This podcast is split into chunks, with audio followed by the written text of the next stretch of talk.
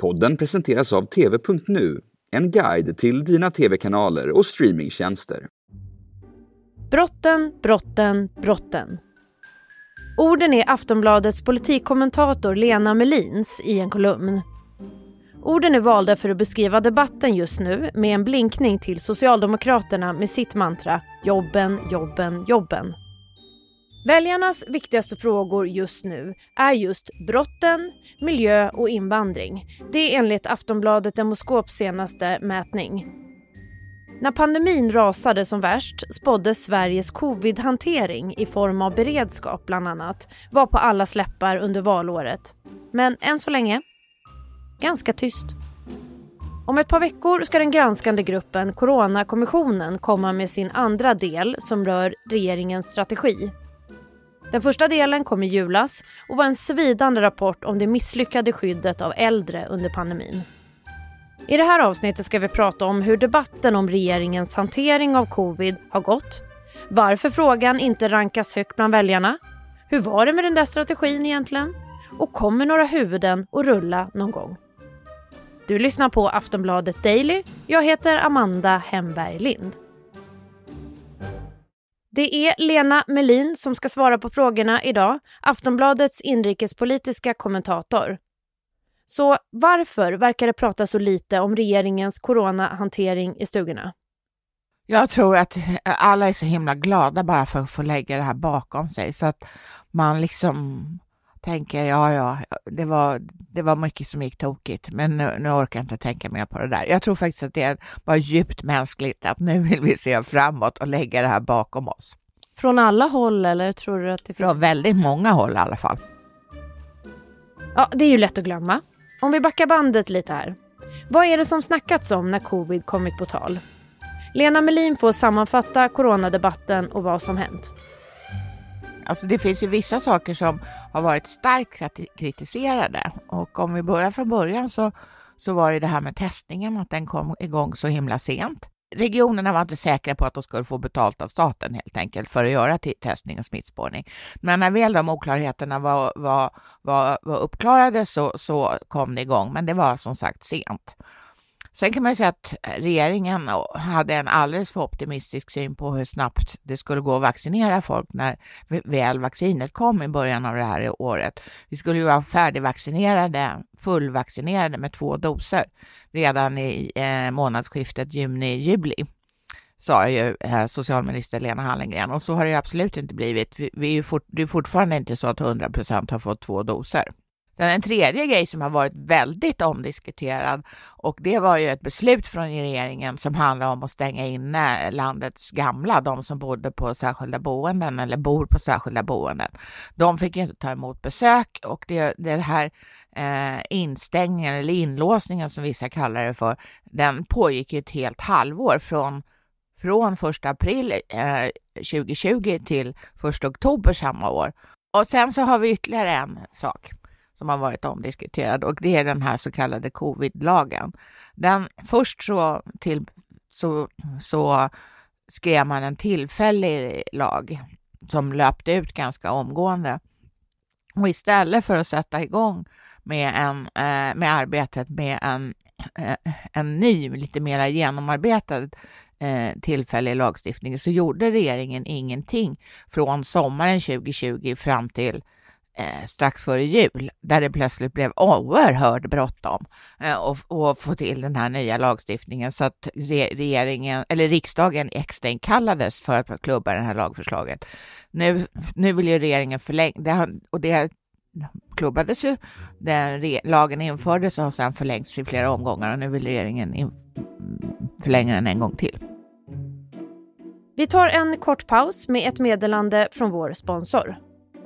Popcornen har kallnat och frustrationen stiger. Kommer din partner hinna somna i soffan innan ni ens hittar något att streama? Tänk om det funnits en tjänst som samlar alla streamingproviders, men där du också kan filtrera fram innehåll från bara de streamingtjänster du har tillgång till. Det finns. TV.nu guidar inte bara till TV-tablån utan till all streaming och sorterar det effektivt på år, genre och IMDB-betyg. TV.nu bjuder också på heta topplistor och spännande samlingar med innehåll du inte visste att du ville se. Testa TV.nu idag.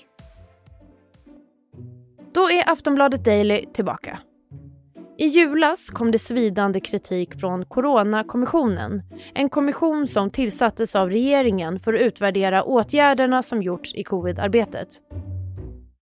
Kommissionen konstaterar att äldreomsorgen har strukturella brister, alltså dess institutioner och uppbyggnad, på ett sätt som gör att dessa brister eh, lämnade verksamheten oförberedd för det som skulle komma med pandemin. Och den stod uppriktigt sagt illa rustad för att möta pandemins utmaningar. Det kommer en till del i granskningen om ett par veckor. Den ska handla om själva strategin. Kommer det här leda till en ny debatt och kommer den att hänga kvar i frågan?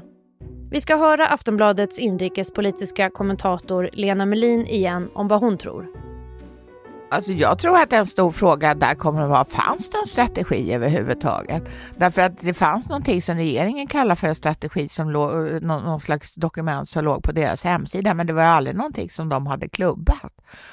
Och om man har en strategi så borde ju då i så fall alla, alla gå i den strategins riktning. Och det är klart att en myndighet som till exempel Folkhälsomyndigheten kan inte bry sig om något bara för att det ligger på, hem, på, på regeringens hemsida, utan de ska ju de måste ju ha ett beslut som de kan följa. Um, så fungerar det i Sverige inte tillräckligt med resurser till äldreomsorgen, låg bemanning, bristande kunskaper bland annat kom fram i granskningen.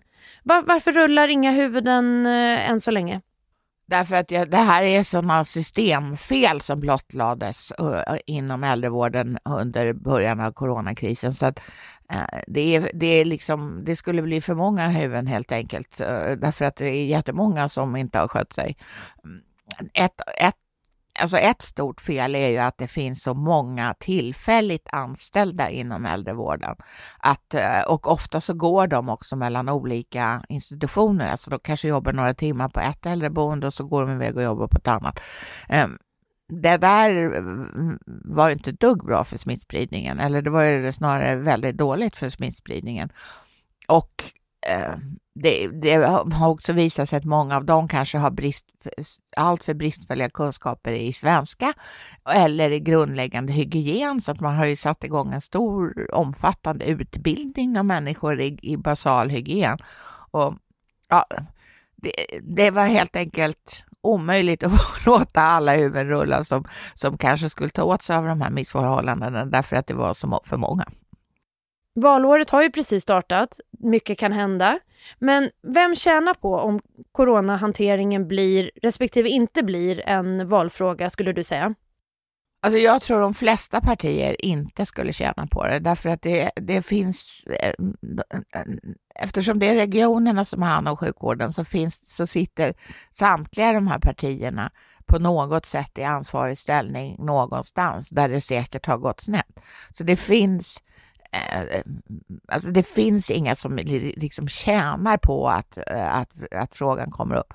Men däremot så tror jag att den här vad ska jag säga, läxan som vården lärde sig under, under coronakrisen, framförallt då äldrevården, den kommer inte gå obemärkt för det, kommer att bli förändringar och det är ju det viktiga istället. Eh, kanske än vem som tjänar och förlorar på det, för att, eller vilka partier som tjänar och förlorar på det. Därför att det viktigaste är att de äldre tjänar, alltså de som bor på de här särskilda boendena och deras efterföljare eh, inte eh, drabbas på samma sätt vid ett senare tillfälle. Um, Apropå oppositionen och hur det har låtit. Först var det borgfred i början av pandemin och sen tog det lite fart då och då. Ebba Busch, Kristdemokraternas partiledare, menade att regeringen med berått mod tillåtit stor smittspridning. Sverigedemokraternas partiledare Jimmy Åkesson kallade hanteringen för en massaker.